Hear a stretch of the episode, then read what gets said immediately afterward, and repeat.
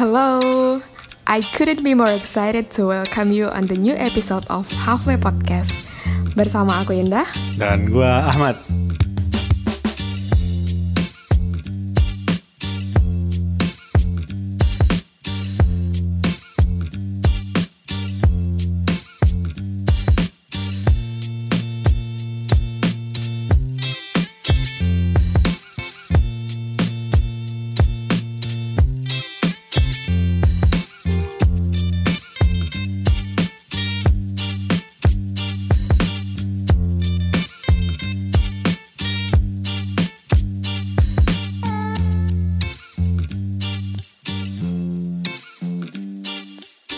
Kita di sini akan mengucapkan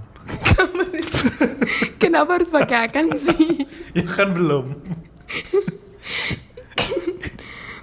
ya Oke. baik. Silakan Ahmad. Itu lu aja deh. Loh, Gimana?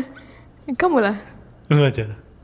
Tuh kan kita suka lempar-lemparan kayak gini tanggung jawab tuh nggak ada yang mau tanggung jawab gitu. Iya, terima kasih untuk ucapannya dari teman-teman. Iya benar kemarin ada, ada yang ngucapin kita kan. Iya, kita maafin Via kok. Mau masih masih sombong ya. Ya kita mau ngucapin selamat hari raya Idul Fitri. Mohon maaf Lahir karena batin. Iya karena telat ngucapinnya. Oh ya. Dan semoga eh, maksudnya kemarin-kemarin kan kita banyak ngejokes yang nggak jelas. Oh, yang menyinggung hati mungkin. Iya, apabila itu Tidak melukai berkenan. hati secara sengaja ataupun tidak, kami memi- meminta maaf yang sebesar-besarnya. Setulus-tulusnya. Oh ya, salah ya sebesar-besarnya itu nggak ada gimana ya ukurannya gimana ya? Hmm. Intinya from the bottom of our hearts gitu. Ya. Kita minta maaf gitu. Hmm. Ya. Lu gak minta maaf sama gua? Oh, udah yo. Aku udah ngucapin lebaran ke kamu tau gak? Masa? Iya, coba dicek kamu pesennya. Terus jawabnya besok aja deh waktu balasnya waktu recording gitu ya? Enggak, kamu balasnya ya keduluan gitu. Iya, wo. Astagfirullah. Oh. Iya kan? Oke. Emang.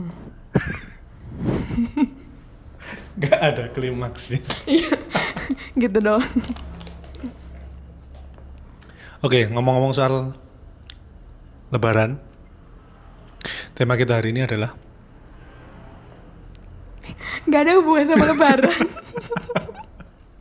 Ya ada, Apa ada, hubungannya? ada. Iya, oke, Temanya silakan adalah hubungan. orang ketiga. Terus hubungannya sama lebaran apa? Eh, Enggak, kamu, kamu harus jawab, kamu harus jawab. mungkin memaafkan orang ketiga kali. Oh gitu. Ah. Kenapa suaramu merendah gitu sih? kan ngimbangin lu, Oh, lu pakai suara konsul kan, gua pakai suara bijak. ini aku ada kakak-kakak ini. Itu ngakak ngakaknya aja pakai suara konsul. Apaan suara konsul? Ketawanya elegan. Mana ada? Terus? Oh gitu. Iya, orang ketiga. Hmm, kita nggak usah pakai bahasa basi aja kali ya, karena kebetulan ini banyak yang akan kita bahas dan banyak yang mengirimkan cerita ya. Eh, lo pikir ini gak basa-basi tadi?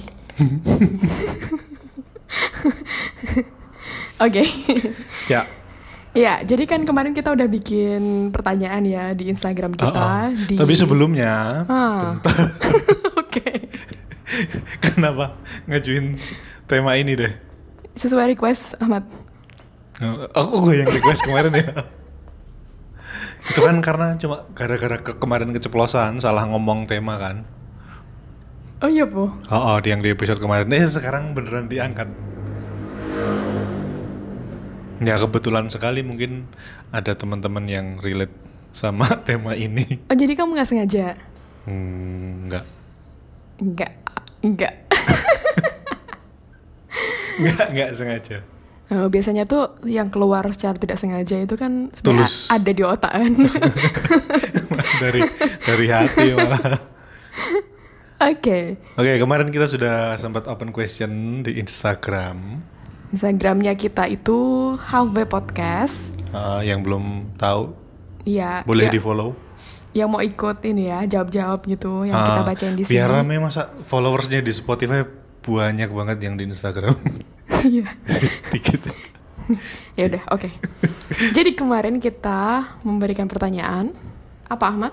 Pertanyaannya adalah Apa pendapat kalian tentang orang ketiga? Bagi dong pengalaman kalian pernah menjadi atau pernah mengalami adanya kehadiran orang ketiga dalam hubungan. Jadi ada banyak jawaban di sini kita pilih beberapa ya yang paling atas.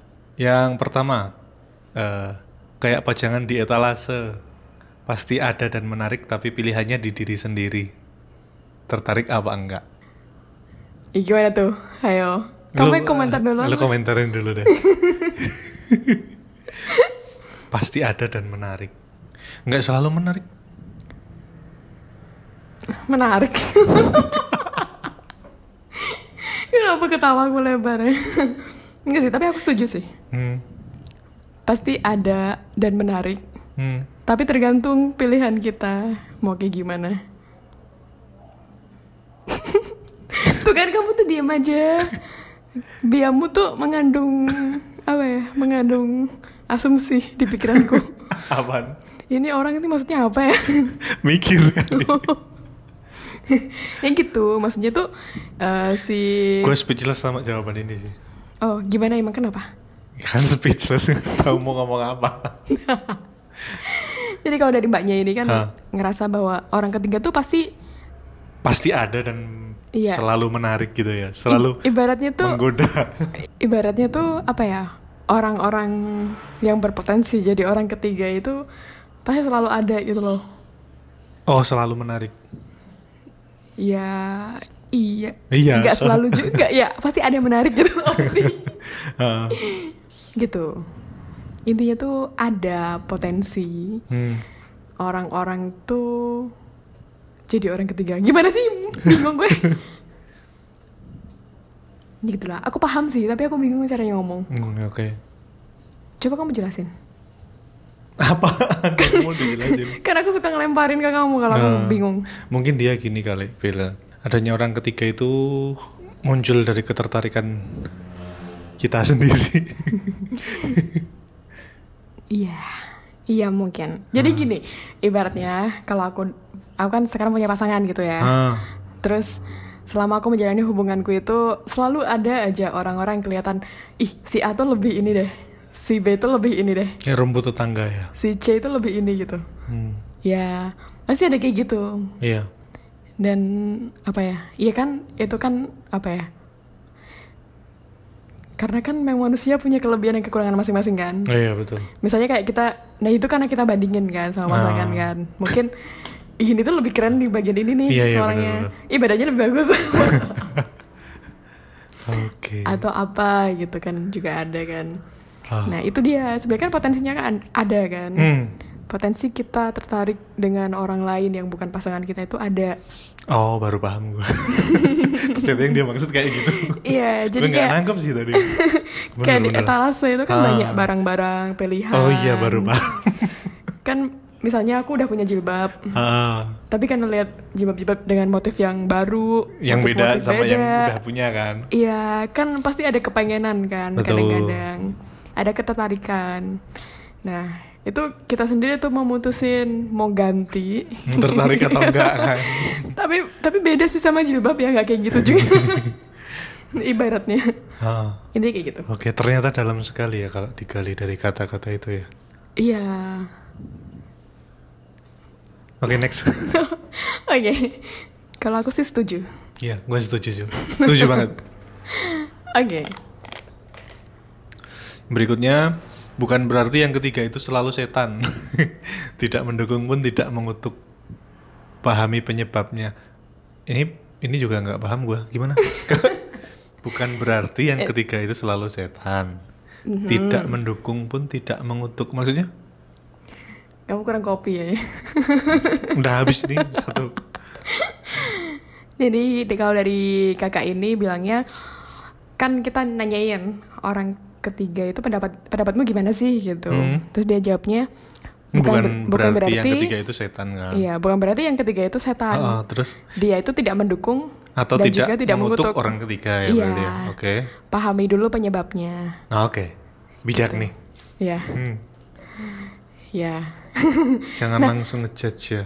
Iya benar. Nah ini sebenarnya kan eh, apa namanya pembahasan orang ketiga kan emang nggak akan selesai dalam satu episode sih menurutku akan sangat panjang banget gitu kalau Karena banyak perspektifnya ya. iya Kita mau benar. bahas dari sudut pandang mana dulu kan? iya jadi kita mau bebas-bebas aja lah ya se se se, se- senyampainya kita Sak kecekelnya aja. iya maksud Jawa dia sak kecekle Hmm. aku serang mau maksud Jawa guys By the way, Iya, by the way, kita ada cerita nih dari teman kita yang dikirimin ke kita ah, tentang perspektif dia tentang orang ketiga, Hmm. pengalaman dia sebenarnya. relate ya sama komentar yang ini tadi ya. Iya, relate banget nih sama komentar ini. Silahkan didengarkan dulu ya.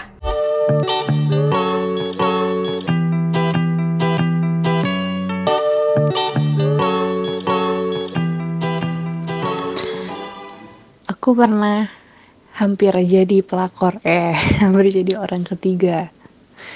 Waktu itu ceritanya aku kenal dari aplikasi, kemudian hmm, dia tidak mencantumkan dan tidak menyebutkan statusnya. Eh, aku pikir ya semua orang yang ada di aplikasi itu masih single lah ya. Maksudnya untuk apa gitu kan main dating apps kalau dia eh, nggak single gitu. Dan ternyata aku terlalu polos. ternyata hmm, jadi udah chat lumayan lama, udah agak udah lumayan udah lumayan saling nyaman gitu kan, udah cukup intens chatnya gitu. Eh, tapi tiap ku ajakin kayak maksudnya yuk ketemu gitu dia nggak dia kan kita kan beda kota gitu tiap ku ajakin ketemu tuh dia selalu ada yang kayak ya jauh dan sebagainya. Maksudnya kayak ada aja lah alasannya gitu. Nah sampailah hmm, aku aku agak agresif. Aku menyatakan ketertarikanku padanya. Terus ternyata eh, dia waktu itu nggak bales yang kayak iya apa enggak maksudnya dia nggak yang ya aku pun cuma mengutarakan nggak meminta nggak menanyakan ya. Jadi kayak cuma mengutarakan. Jadi aku tidak mengharapkan jawaban juga sebenarnya. Tapi tingkahnya ke dia ke aku tuh, tuh masih yang kayak masih yang kayak hmm, ya masih kayak yang fine fine aja malah lebih dekat gitu kan. Sampai akhirnya tuh kayak hmm, tapi dia tuh kayak selalu yang berkata andai kita ketemu andai kita ketemunya lima tahun yang lalu dan sebagainya kayak gitu. Terus entah gimana ceritanya tiba-tiba dia akhirnya menyatakan bahwa dia sudah punya istri dan anak yang umurnya masih balita gitu. Jadi maksudnya lima tahun andai kita ketemunya lima tahun yang lalu itu berarti andai kita ketemu sebelum dia ketemu sama istrinya gitu kayaknya. Sebelum dia nikah sama istrinya gitu kayaknya. Gitu deh. Nah begitu. Aku tahu hmm, langsung deh aku langsung kesel ya. Maksudnya kan ngerasa kayak yang dibohongin karena dia nggak bilang dari awal gitu. Sama yaudah akhirnya aku lost contact karena kayak menurutku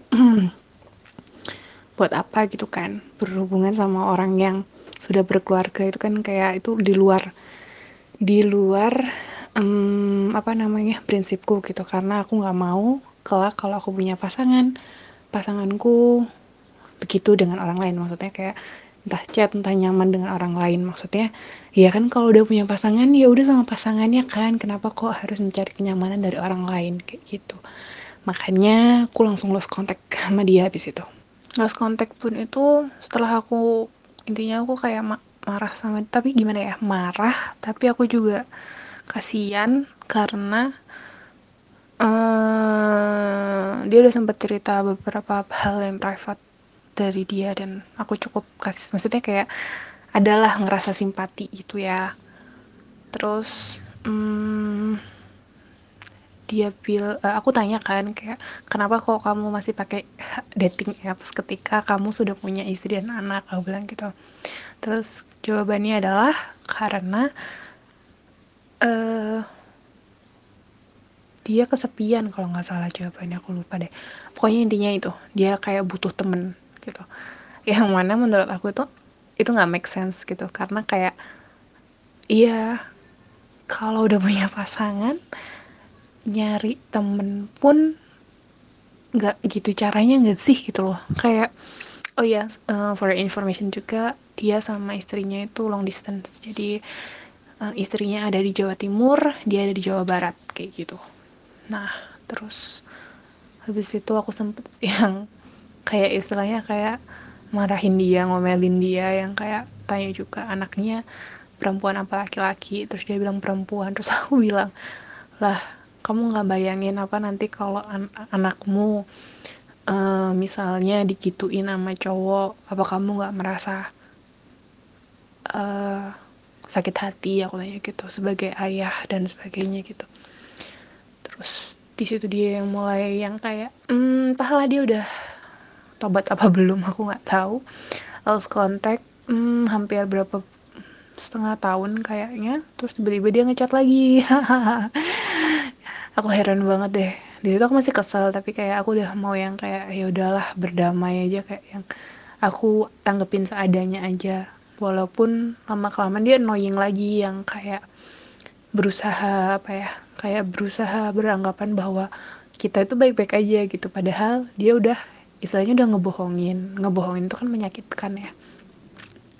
Intinya itu udah sempat bikin aku cukup trauma karena aku punya trust issue terus ketambahan itu jadi trust issue tambah parah gitu kan. Terus hmm, ya jadi aku sekarang semakin berhati-hati.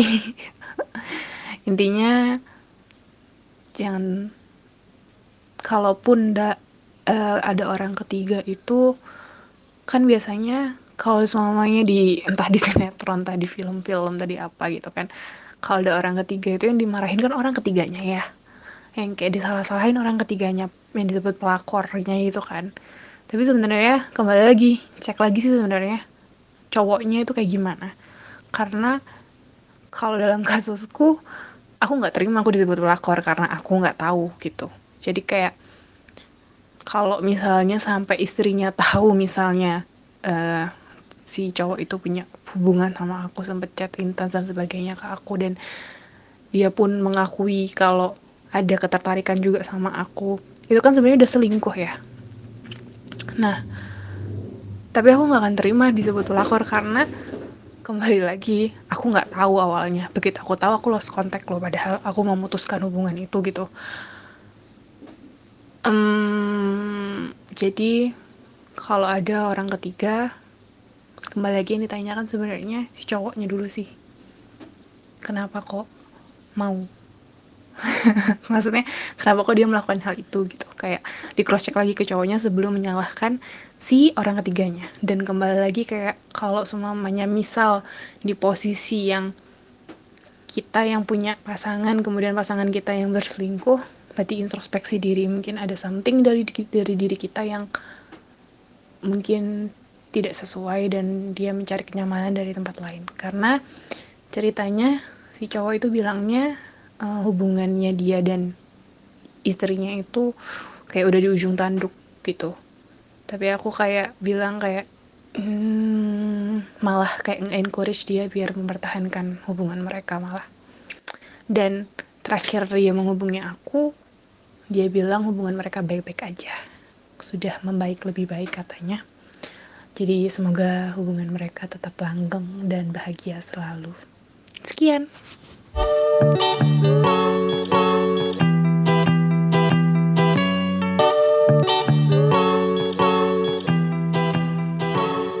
Oke itu tadi ceritanya dari Kak Kak Sambuan. Hmm. oh kasih nama lah. Malika. Kamu nggak kreatif banget Jangan sih. Malika lagi. Malika lagi. Apa ya? Kamu sih biasanya cari nama. Hmm. Aku sih namainnya Putih, Benang Sari gitu-gitu. Ya udah itu aja. iya dari Putih ya. Hmm. Perempuan. Iya suaranya perempuan, astaga. Oke, okay, jadi kalau dari ceritanya Mbak Putih ini, hmm. uh, dia tuh hampir jadi orang ketiga ya katanya ya. Hmm. Tapi ini uh, di hubungan yang sudah serius ya? Iya di apa laki-laki yang sudah beristri dan ternyata sudah punya berkeluarga. anak. Tapi kan posisinya dia nggak tahu kan. Nah, iya bener. Posisinya adalah dia nggak tahu nih, karena ketemunya di satu aplikasi. Ah, sebut saja Tinder. Itu sih Ya. kalau dugaan gue aplikasinya pasti Tinder tuh. Nanti coba ditanyain ya. Karena udah biasa ya banyak kasus kayak gitu ya. Ah, ah, karena udah pernah kan. Oh anjir, kamu pernah? Tapi kamu belum beristri sih. Nggak pernah mainan Tinder maksudnya. Oh gitu, oke Hmm. baik. Kukira kamu pernah jadi orang yang nipu. Ini suaraku Hmm? langsung tinggi nih. Boro-boro nipu. Gak nipu aja. Ditipu kali. Oke. ya baiklah. Panas banget sih belum mandi nih. Sebuah pengakuan yang sangat penting. Oke. ya, tapi dari kakak putih ini belum tahu ternyata. Eh Oh, nggak tahu. tahu, nggak tahu awalnya. Karena nggak ada infonya kan. Hmm. Dia bilangnya ya masih masih single aja. Enggak, dia nggak bilang kan. Oh nggak ngasih status doang ya? Enggak, enggak. Soalnya kalau dia diajak ketemu kan selalu alasan terus kan. Iya alasan nggak bisa Hmm. gitu kan. Tapi pada akhirnya ngaku kalau dia udah berkeluarga. Hmm. Dan dia alasannya adalah mencari teman dekat. Men- karena kesepian. Oh iya bener. Nah bagi teman-teman pengalaman kakak putih ini mungkin bisa dijadikan apa ya? Eh, Rujukan. rujukan. Enggak, ya hati-hati aja sih kalau kenalan lewat online. Iya online dating application gitu. Hmm. Enggak sih kenalan langsung juga harus hati-hati sih. Iya bener apalagi sama Ahmad kan. Hmm. Ini. Ya, tapi di satu sisi aku sangat mengapresiasi sih sama kakak putih ini. Ah, karena ngambil sikapnya sangat langsung tegas ya, gitu. tegas ya. Jadi ketika dia tahu bahwa si bapak nyebutnya bapak ya, si bapak ini udah udah berkeluarga, langsung kan memutuskan Ah. hubungan, maksudnya nggak dilanjutin lagi gitu. Dan itu that's a good choice sih menurutku. Hmm. Biar nggak ribet juga pada akhirnya. Ya, lah mau ngapain kalau nggak langsung diputusin gitu? Iya. ya kan banyak pilihan kan sebenarnya. Hmm. memutuskan itu kan salah satu pilihan yang menurutku sangat bijak dan sangat tepat untuk diambil sih Ah, kalau di posisi kayak gitu hmm. karena kalau dilanjutin tuh kan dia tadi udah udah mikir-mikir banyak juga kan Ah. misalnya dilanjutin tiba-tiba istrinya tahu bakal panjang Terus gitu. jadi pelakor padahal dia kan nggak tahu kan posisinya. nah posisinya adalah Heeh. Nah, sesuai dengan komentarnya ini tadi, kan bukan tidak selalu yang ketiga itu setan kan. iya Pahami bisa penyebabnya dulu kan, bener kan? iya bisa aja malaikat dalam bentuk lain Nah kan habis itu hubungan bapaknya baik-baik aja katanya Ya, alhamdulillah. Ya semoga semuanya baik-baik saja ya. Ya, tapi ini di satu di salah satu kasus aja ya. Hmm. Bukan berarti ini bisa di generalisi- generalisasikan ke kasus lain Ah. untuk membenarkan bahwa Jadi orang ketiga itu bener. iya, ini special case. Ah, Oke. terus, Terus kita bacain ini aja kali ya. Bacain curhatan aja kali ya. boleh? Nih ada salah satu bilang nih. Kak, jawabanku panjang. DM aja ya. Mana DM-nya? Mana DM-nya bentar ya. Nih, ini laki-laki nih kayaknya dari fotonya ya. Orang ketiga hanyalah sebuah sudut pandang. Kita adalah pemeran utama dari perspektif kita masing-masing meskipun kita masuk dalam hubungan orang lain. Orang pertama, kedua, ketiga bukan tentang siapa yang duluan masuk, tetapi tentang siapa yang lebih diinginkan kehadirannya. Hihi, bye. Aku nggak mau komentar lagi. Super sekali. gue setuju nih, gue setuju nih. Aku ulangin yang ini di baris ini ya. Ah, Orang pertama, kedua, ketiga bukan tentang siapa yang duluan masuk, tetapi tentang siapa yang lebih diinginkan kehadirannya. iya bener sih menurut gue iya kan? ya tarik nafas aja lah aku. Komentar dong. Gak bisa komentar aku. Ini pendapat bagus nih, dikomentarin dong. Apa yang perlu dikomentarin dari ini? Sebenarnya nih hampir sama kayak komentar sebelumnya ya. Kita adalah pemeran utama dari perspektif kita masing-masing. Jadi misal kita masuk ke dalam hubungan kita kenal seseorang yang dia sudah punya hubungan. Kalau dari perspektif kita ya kita tetap orang pertama kan first person kan. Yang orang ketiga itu ya itu pacarnya dia yang lagi kenal sama kita. Cuma dia masuknya duluan waktunya Iya, tetap aja kamu yang terakhir berarti masuknya. tapi terus gue setuju sama pernyataan yang berikutnya tuh Apa? orang pertama kedua ketiga bukan tentang siapa yang masuk duluan kan tapi tentang siapa yang lebih diinginkan kalau di sana gue lebih diinginkan berarti gue jadi orang keduanya dong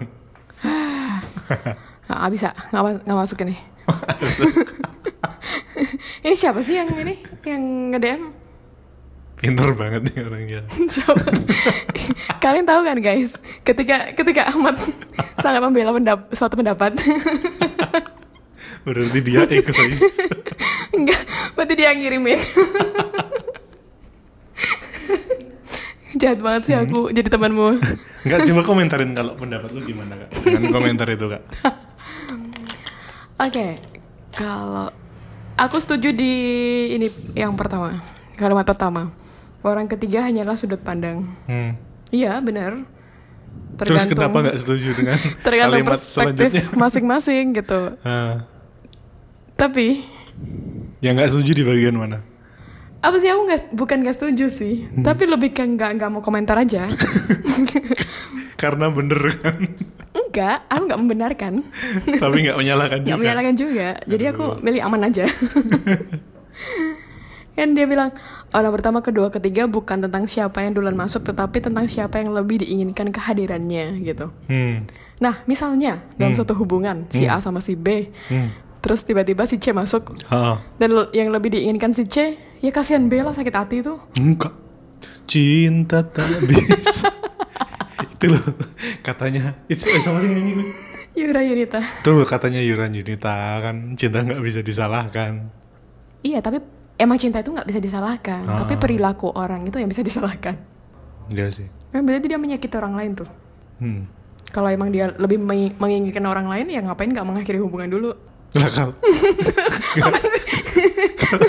kalau orang ketiganya masuk terus di situ dia mengakhiri hubungannya dengan orang kedua Apa sih kita kita main ini ya sih, main sudut pandang. Ini kayak Heeh. di bahasa Indonesia tuh loh, kamu tahu sih dulu pelajaran bahasa Indonesia? apaan Ada apa orang ketiga eh apa sih? Sudut pandang orang ketiga sudut pandang orang pertama. Heeh. itu kayak game game first person third person. Nggak ngerti ya udahlah itulah iya. Oke. Jadi jadi apa ini kesimpulannya? Kesimpulannya Yang tidak ada ini. kesimpulan. Oke tergantung orang lain menyimpulkan oh kesimpulannya tadi di kalimat pertama. Hanya sebuah sudut pandangan Iya. perspektif.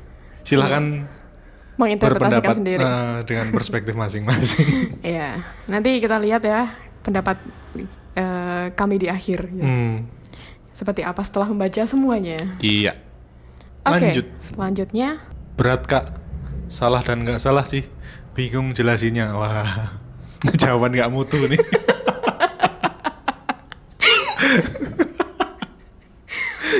Kalau dia ngomong kayak gitu tuh udah jelas tuh jawaban siapa tuh udah jelas. Pokoknya kalau kita saling menjatuhkan suatu komentar atau suatu pesan itu pasti lawan kita lah. nah, Maksudnya ketika Ahmad jatuhin berarti itu yang ngomong aku. ketika aku yang jatuhin yang ngomong harus Ahmad banget berarti. dijelasin gitu ya Iya. kan tadi dikira kita jatuhin orang lain. Ah. Padahal jatuhin kita sendiri. iya Apa sih kita pertemanan apa ini kayak gini? Saling menjatuhkan. Hmm, nggak apa-apa Oke, jadi silakan di, dikomentarin ya toh gimana? apa yang mau dikomentari berat salah dan nggak salah sih bingung jelasinnya nah gue setuju sama kalimat terakhir bingung jelasinnya gue setuju tuh Iya. oh, oke kalau Iya. menurut lu gimana dengan jawaban itu Makanya saking bingungnya kan kayak kita tuh nggak cuman Hmm. nggak cukup satu episode untuk membahas ini. gitu. iya kok lu bilang berat sih pernah jadi orang ketiga nih sepertinya Nggak pernah kalau jadi orang ketiga. masa Iya. Insya Allah ya. ya Seingatku loh. tahu nggak ada peribahasa bagus Apa? Orang ketiga kalau ketangkap nggak bakal ngaku kalau dia orang ketiga. Disamain sama maling. Tapi beneran aku nggak pernah jadi orang ketiga Oh, oke. dalam hubungan orang. Relationship. Iya. Pernahnya jadi orang ketiga dia apa kalau misalnya dia Hmm, mungkin ketika apa namanya di hubungan dekat, Hmm. I mean maksudnya ketika si A sama si B itu dekat tapi belum pacaran gitu, aku nggak sengaja masuk itu mungkin pernah. itu belum bisa disebut orang ketiga Belum lah, mereka belum pacaran loh. oke ya kan aku juga nggak tahu kalau dia deketin banyak orang terus oh jadi ada orang ke Iya kan? 100 juga ya iya terus nyatanya sama aku pada akhirnya. Hmm. Berarti kan aku bukan orang ketiga. betul betul betul betul iya bener Oke, nggak, ini serius. Salah dan nggak salah sih, gitu. Bingung jelasinnya. Jadi salah dan nggak salah itu apa ya? Nantilah di akhir lah aku jelasin di oke akhir nih. kita simpan jawabannya di akhir Oke. Next. Menurut gua kehadiran orang ketiga itu adalah bentuk biar kita sebagai pasangan bisa introspeksi diri. Bener banget. Setuju nih. Ya, bagi orang-orang yang sudah memiliki kebijaksanaan tingkat tinggi, Hmm. ini oke gitu. Ya jawaban bijak sekali. Eh, apa? Iya bener sih. Kayak kadang kita tuh perlu dikasih ujian biar kita inget, biar kita bersyukur. ya, itu juga kan. banget tuh. Selain introspeksi diri kan juga biar kita bersyukur dengan apa yang sudah kita punya kan. Ya, benar. Tumben kamu lagi sehat ini. Kopinya baru bereaksi kan? Hmm. Nah, iya. Kenapa lu ketawa? Enggak, aku tadi kan bilang di awal kan kalau ini jawaban orang yang udah punya kebijaksanaan tingkat tinggi gitu. Hmm. Jadi kan susah gak sih mengakui untuk bahwa kehadiran eh, istilahnya kita nganggap misalnya pengganggu gitu ya, pengganggu Hmm. dalam hubungan itu tuh sebagai cara Sebagai kita untuk bentuk. evaluasi Iya, gitu. benar. Itu kan butuh butuh apa ya? Butuh hati yang Legowo. ya bener ikhlas dan menerima Hah. menerima apa yang ada gitu. Dan gua mungkin gua nggak kepikiran sampai sini sih. Kalau nggak ada komentar kayak gini. Iya, iya. Ya ini ini tadi kan kita udah sempat posting juga kan di story-nya kita yang setelahnya itu. Iya. Jadi ya bagus sekali ini pendapat ini Alright. Dan sangat penting. Iya, ini ini berlaku bagi orang-orang yang melanjutkan hubungan ya. Pada akhirnya melanjutkan hubungan sama orang yang awal Betul. gitu. Jadi kehadiran kehadiran orang yang mengancam itu dijadikan tadi kamu bilang dijadikan Sebuah pengingat. iya sebuah pengingat untuk lebih bersyukur Hmm. Dan lain-lain lah. Intinya ya itu menilai hubungannya itu kayak gimana Iya. dan menguji betapa seberapa kuat Hmm. hubungan itu. Iya benar. Oke, next. Selanjutnya. Pernah dong Udah itu doang. iya iya, dia jamnya pernah dong. Nggak tahu nih ya, ini pernah pernah jadi orang ketiga. atau pernah didatengin atau- orang ketiga? Iya gitu. Jadi intinya itu pernah gitu. Ah. Oke, next. Nggak ada pembahasan lain. Berikutnya, orang ketiga ada karena pasangan hatinya terpisah.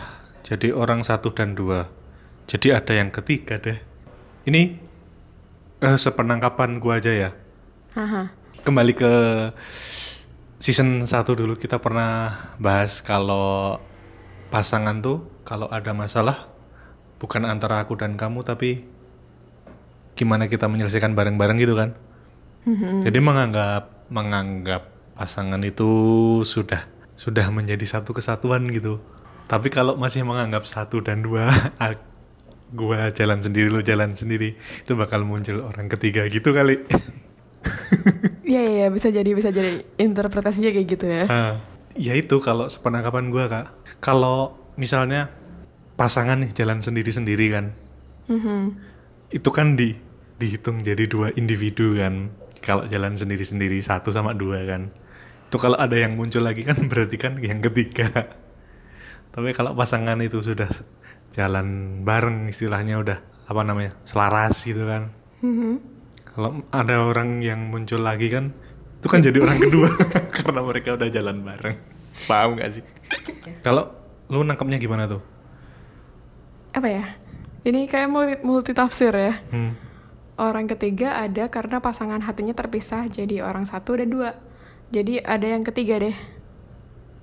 ya mungkin ketika hatinya itu ya kayak kamu bilang sih Kalau aku setuju masih sama kamu aja kalau masih jalan sendiri-sendiri. ya kan emang kita tuh sebagai individu yang dua individu kan Ah, Tapi ini kalau- maksudnya bukan kalau yang digambar di apa? Di Will Enjoy dulu kan maksudnya individu utuh sama individu utuh dari sisi apa?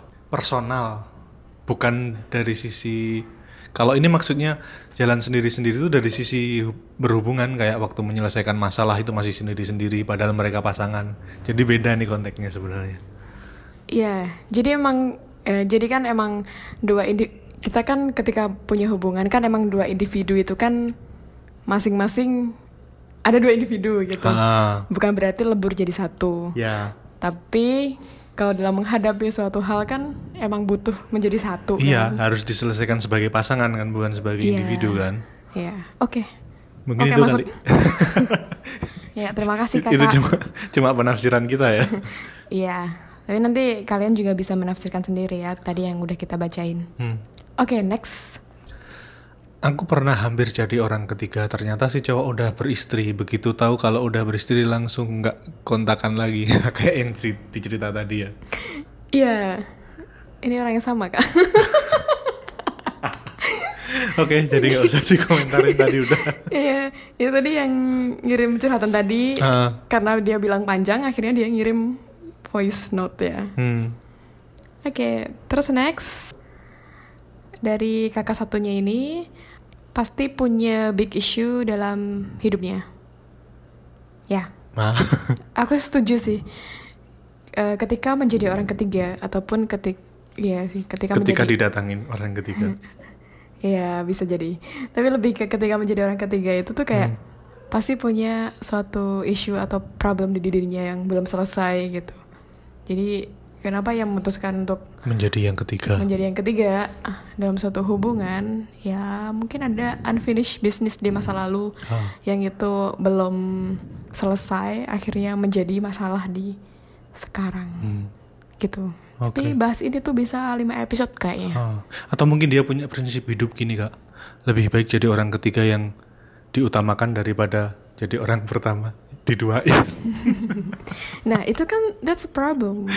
kayak ya berarti kan ada ada kayak ketakutan ketakutan yang besar kan Hmm. ketika menjadi orang pertama di apa tadi diduain di apa? jadi orang pertama tapi diduain. Nah diduain ketakutan diduain itu yang Hmm. jadi problemnya. Ya.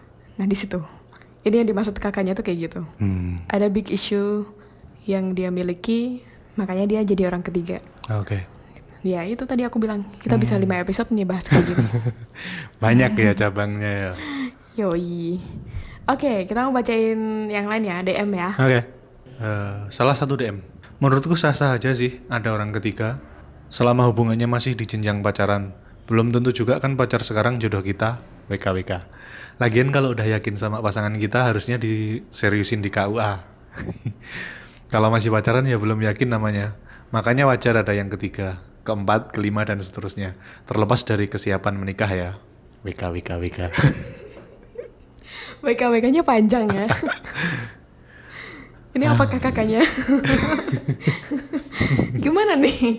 I- I have no clue. Eh, Silakan kakak Ahmad memberikan pendapat bijaknya. Eh, ini juga apa ya? Ini juga tergantung perspektif masing-masing sih me- menilai tentang apa itu pacaran. Kan kita nggak tahu. Ada juga orang yang pacaran emang karena ingin komitmen dan saling kenal dulu baru nikah kan. Nggak beli kucing dalam karung kan. Jadi kita di sini juga menghormati pendapat teman-teman yang punya pemikiran seperti itu. Iya benar benar benar. Jadi tergantung ya eh, mendefinisikan itu tuh sebagai apa gitu. Tapi dia bilang sih di akhir kalau terlepas dari kesiapan menikah ya gitu. Dan barang ya kayak kamu bilang tadi sih barangkali ada yang emang apa untuk mengenal untuk berkomitmen. Iya.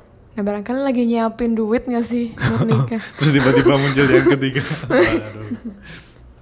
Ya, mungkin di tahapan dia dari kakaknya ini bilang di tahapan seleksi gitu kan bebas gitu kan. Hmm. Selama itu belum belum apa namanya belum, Belum nikah, sah. belum sah. Ya oke-oke aja gitu. Tapi kalau aku pribadi, Hmm. nggak apa-apa ya nambahin pendapat pribadi. nggak apa-apa Ya tapi kalau aku pribadi sih eh apa ya? Emang benar orang orang yang datang orang baru yang datang itu pasti punya eh, punya alasan masing-masing gitu. Hmm. Tapi tidak tidak bisa dibenarkan juga sih ketika hadir dalam hub- suatu hubungan yang sudah berjalan iya gitu. Karena eh, itu menimbulkan kerugian hati ya lah. Sakit hati sih dia orang yang yang lain Ha-ha, orang lain gitu.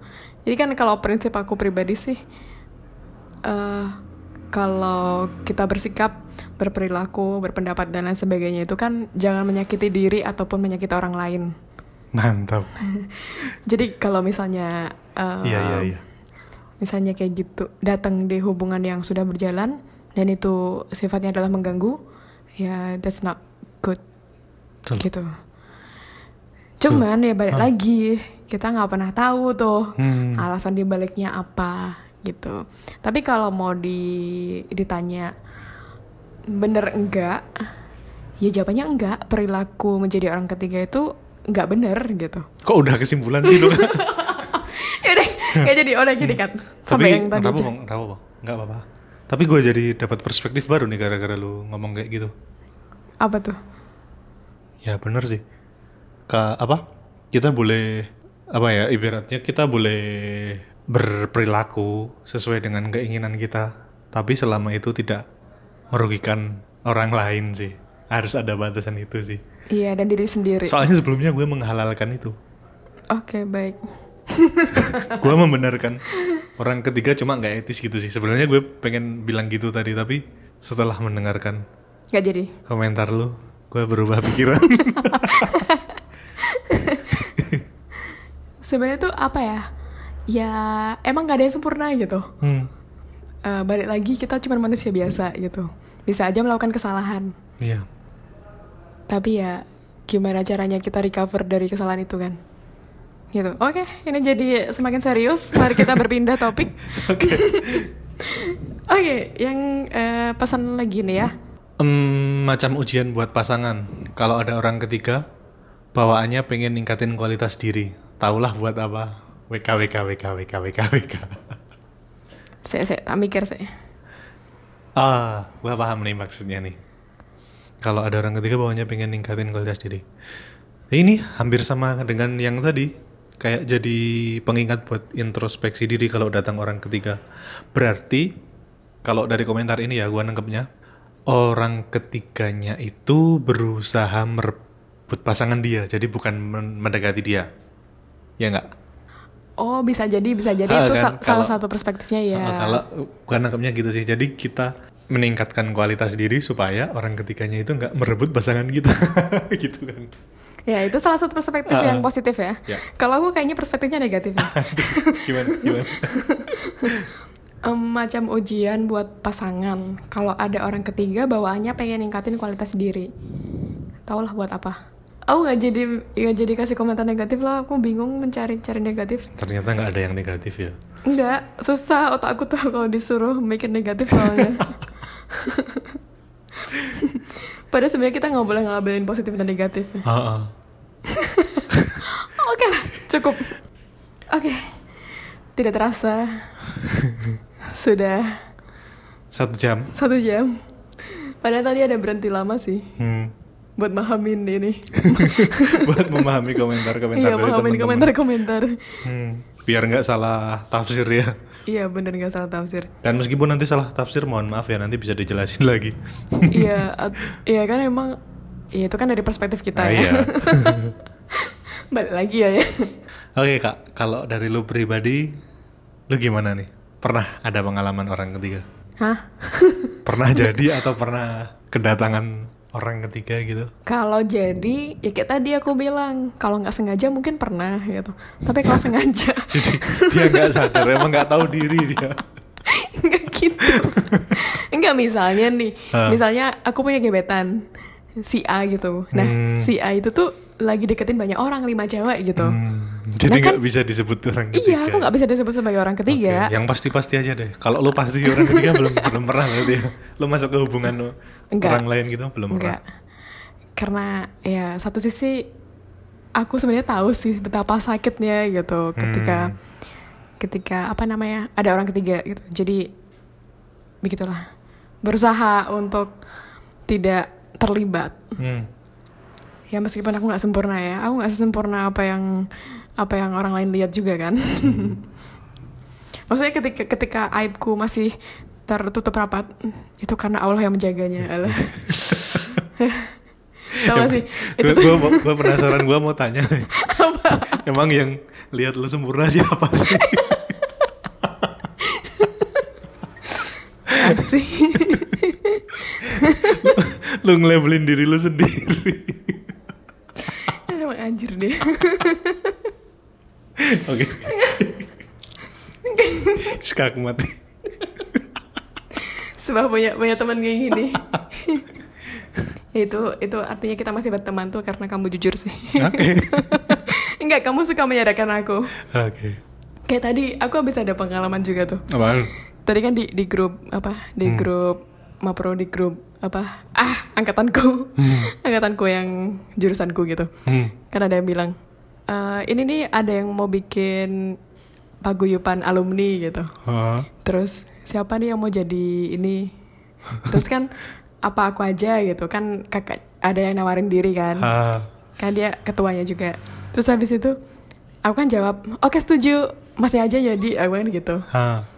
terus habis itu di komentar-komentar bawahnya tuh temanku ada yang bilang nyeletuk gini eh monggo silakan siapa aja aku sih karena aku belum alumni jadi aku tidak berkomentar. Intinya kayak gitulah.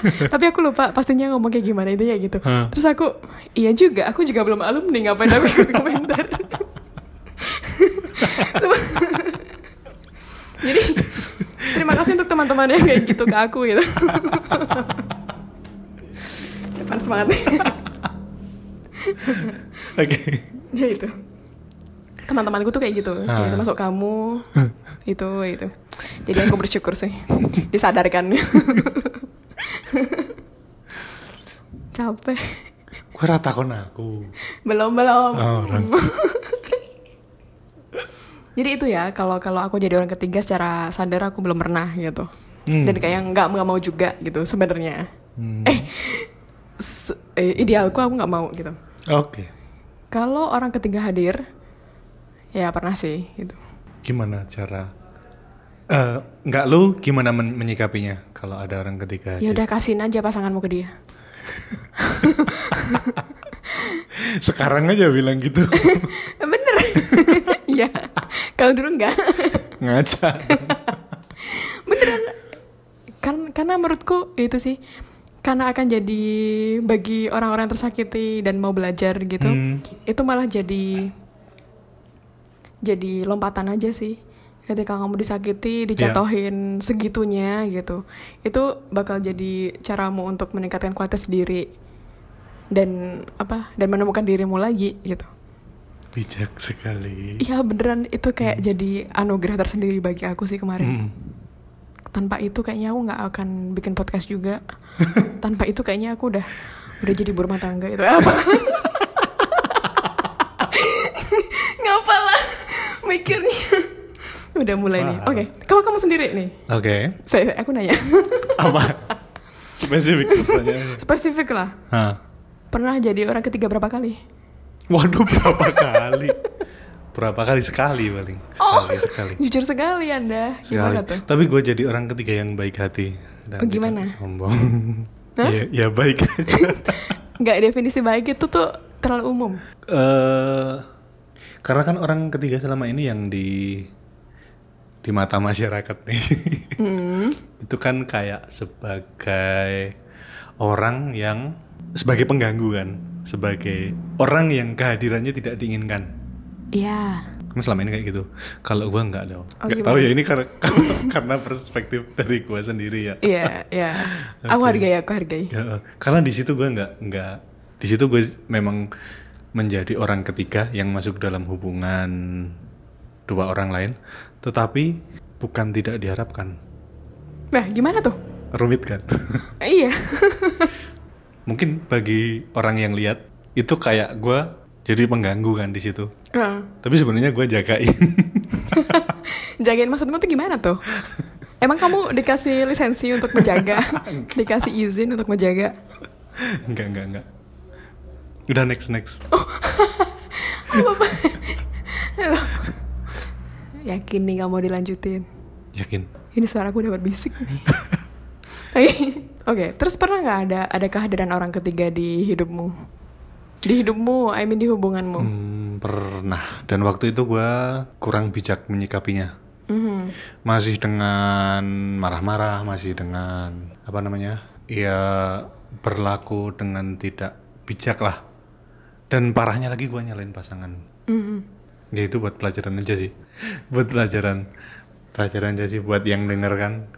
Heeh. Eh, mungkin nggak jangan terlalu apa ya menyikapi orang ketiga tuh ya bisa diambil dari beberapa komentar teman-teman tadi kan kayak misalnya itu sebagai pengingat itu sebagai Evaluasi diri. evaluasi diri atau buat meningkatkan di apa kualitas diri gitu kan jangan langsung menganggap itu tuh sebuah ancaman terus kamu melakukan pencegahan-pencegahan yang itu malah sebenarnya malah akan merusak hubungan lu kan Ah, ya ya ya. ya. gitu sih Iya, tapi sih aku aku menggaris bawah yang tadi kamu bilang sih, Hmm. yang tapi dulu aku ngerasa belum terlalu bijak untuk menyikapinya yang marah-marah Hmm. atau apa gitu.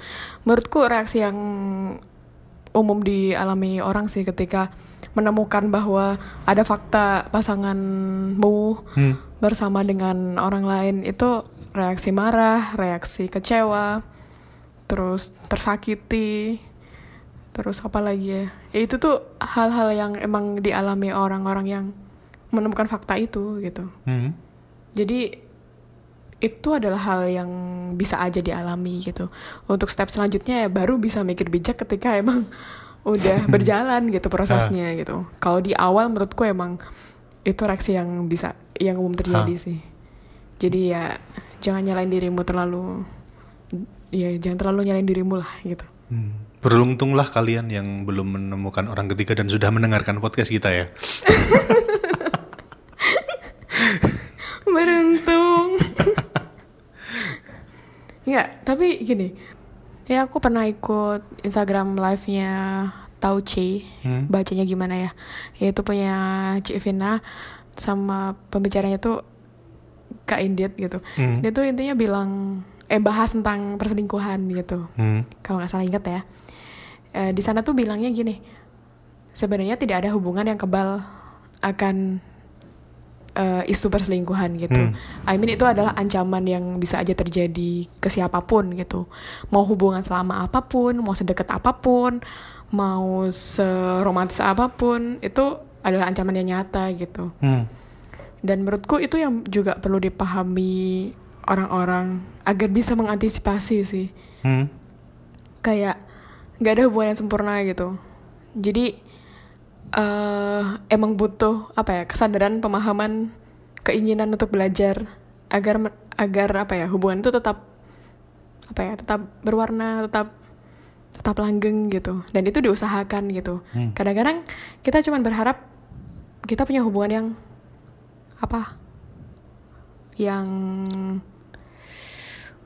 punya hubungan yang stabil, tidak ada kehadiran orang ketiga, tidak ada Ah. ini, tidak ada ini, tidak ada ini. Yang gitu. berjalan mulus Ya gitu pokoknya ya. jalan mulus gitu. Tapi tanpa disertai usaha itu Hmm. that's impossible gitu.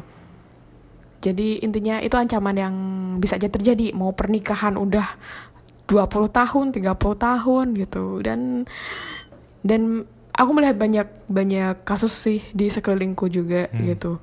Maksudnya itu hal yang bisa aja terjadi dan kayak banyak kita bahas kan kemarin-kemarin yang di mungkin bisa aja komunikasi, bisa aja konfliknya yang nggak selesai. Itu pokoknya banyak faktor gitu. Jadi intinya belajar lah. Belajar tuh nggak ada habisnya ya, iya. nggak ada finishnya. Dan ada juga sih yang bilang gini kan, dalam hubungan itu tuh, eh, dalam menjalin hubungan itu tuh sebenarnya prosesnya itu di dalamnya cuman saling memaafkan gitu. Hmm. Iya sih. ya, jadi jangan sampai kita nuntut seorang itu jadi sempurna gitu. Hmm.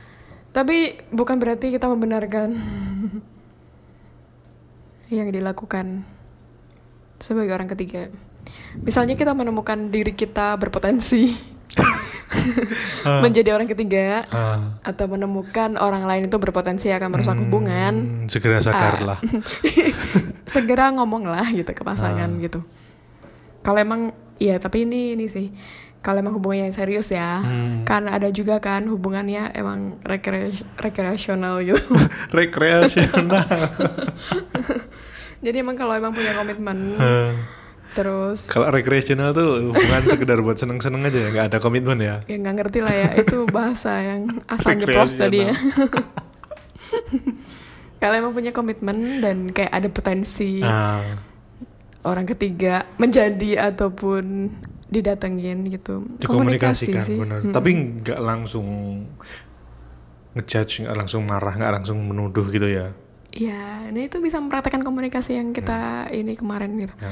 Sebenarnya gini, setiap orang itu paham bahwa komunikasi itu adalah kunci dari hubungan yang sehat, hubungan yang bahagia Hmm. dan lain-lain gitu. Tapi yang membedakan itu ya itu tadi mau atau enggak, punya kemampuan atau enggak gitu. Hmm, Punya kemampuan atau enggak itu kan tergantung kita ngasah atau enggak juga kan. Iya. Jadi ya kalau menurutku sih yang paling penting itu orang yang mau belajar sih Hmm. gitu. Sampai berkeringat dia. Iya sampai berkeringat nih belum mandi soalnya. Itu.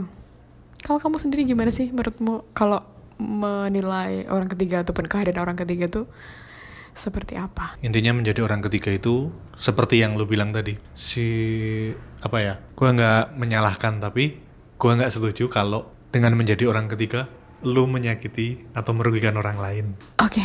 Gitu aja sih. Tapi kalau misalnya cara menghadapi orang ketiga, mungkin lu bisa menang dengan cara legowo kali. Ikhlas aja. kalau mau pergi ya silahkan, kalau enggak.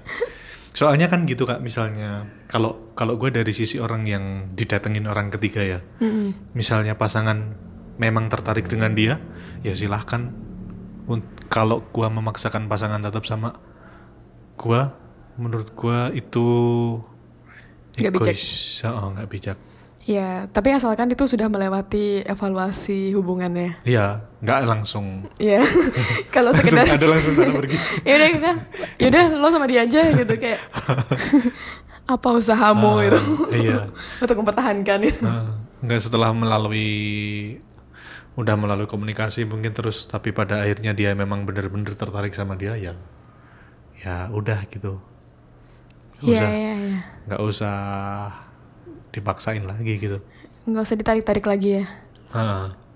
soalnya kalau menurut gue semakin misalnya pasangan benar-benar udah tertarik sama orang ketiga nih semakin kita memaksakan pasangan sama kita itu semakin dia nggak pengen sama kita Iya, bener-bener.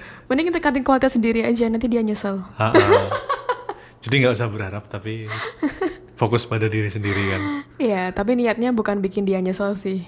Lebih tepatnya niatnya adalah untuk mendapatkan yang sepadan aja dengan usaha yang kita lakukan untuk Ha-ha. memperbaiki diri. Entah itu pasangan yang sebelumnya atau orang baru ya. Iya, oke baiklah. Iya. Jadi kalau misalnya apa mantan kamu nyesel Hmm. yang tadi gara-gara orang ketiga itu, ya itu anggap aja bonus karena kamu anggap aja bonus lah gitu. Gue mau bilang anggap aja itu sebuah achievement gitu boleh nggak sih? Enggak, jadi tadi aku bilang kan jangan jangan sampai itu jadi ini jadi motivasi utama. Ah, Karena nanti kalau kamu lihat dia lebih bahagia, lu itu malah sakit sendiri. Oh, Jadi niatnya emang Bonus untuk untuk perbaikan diri Ah. dan untuk apa ya? Ya agar didekatkan dengan orang yang sepadan dengan usahamu mem- Mm-mm. memperbaiki diri.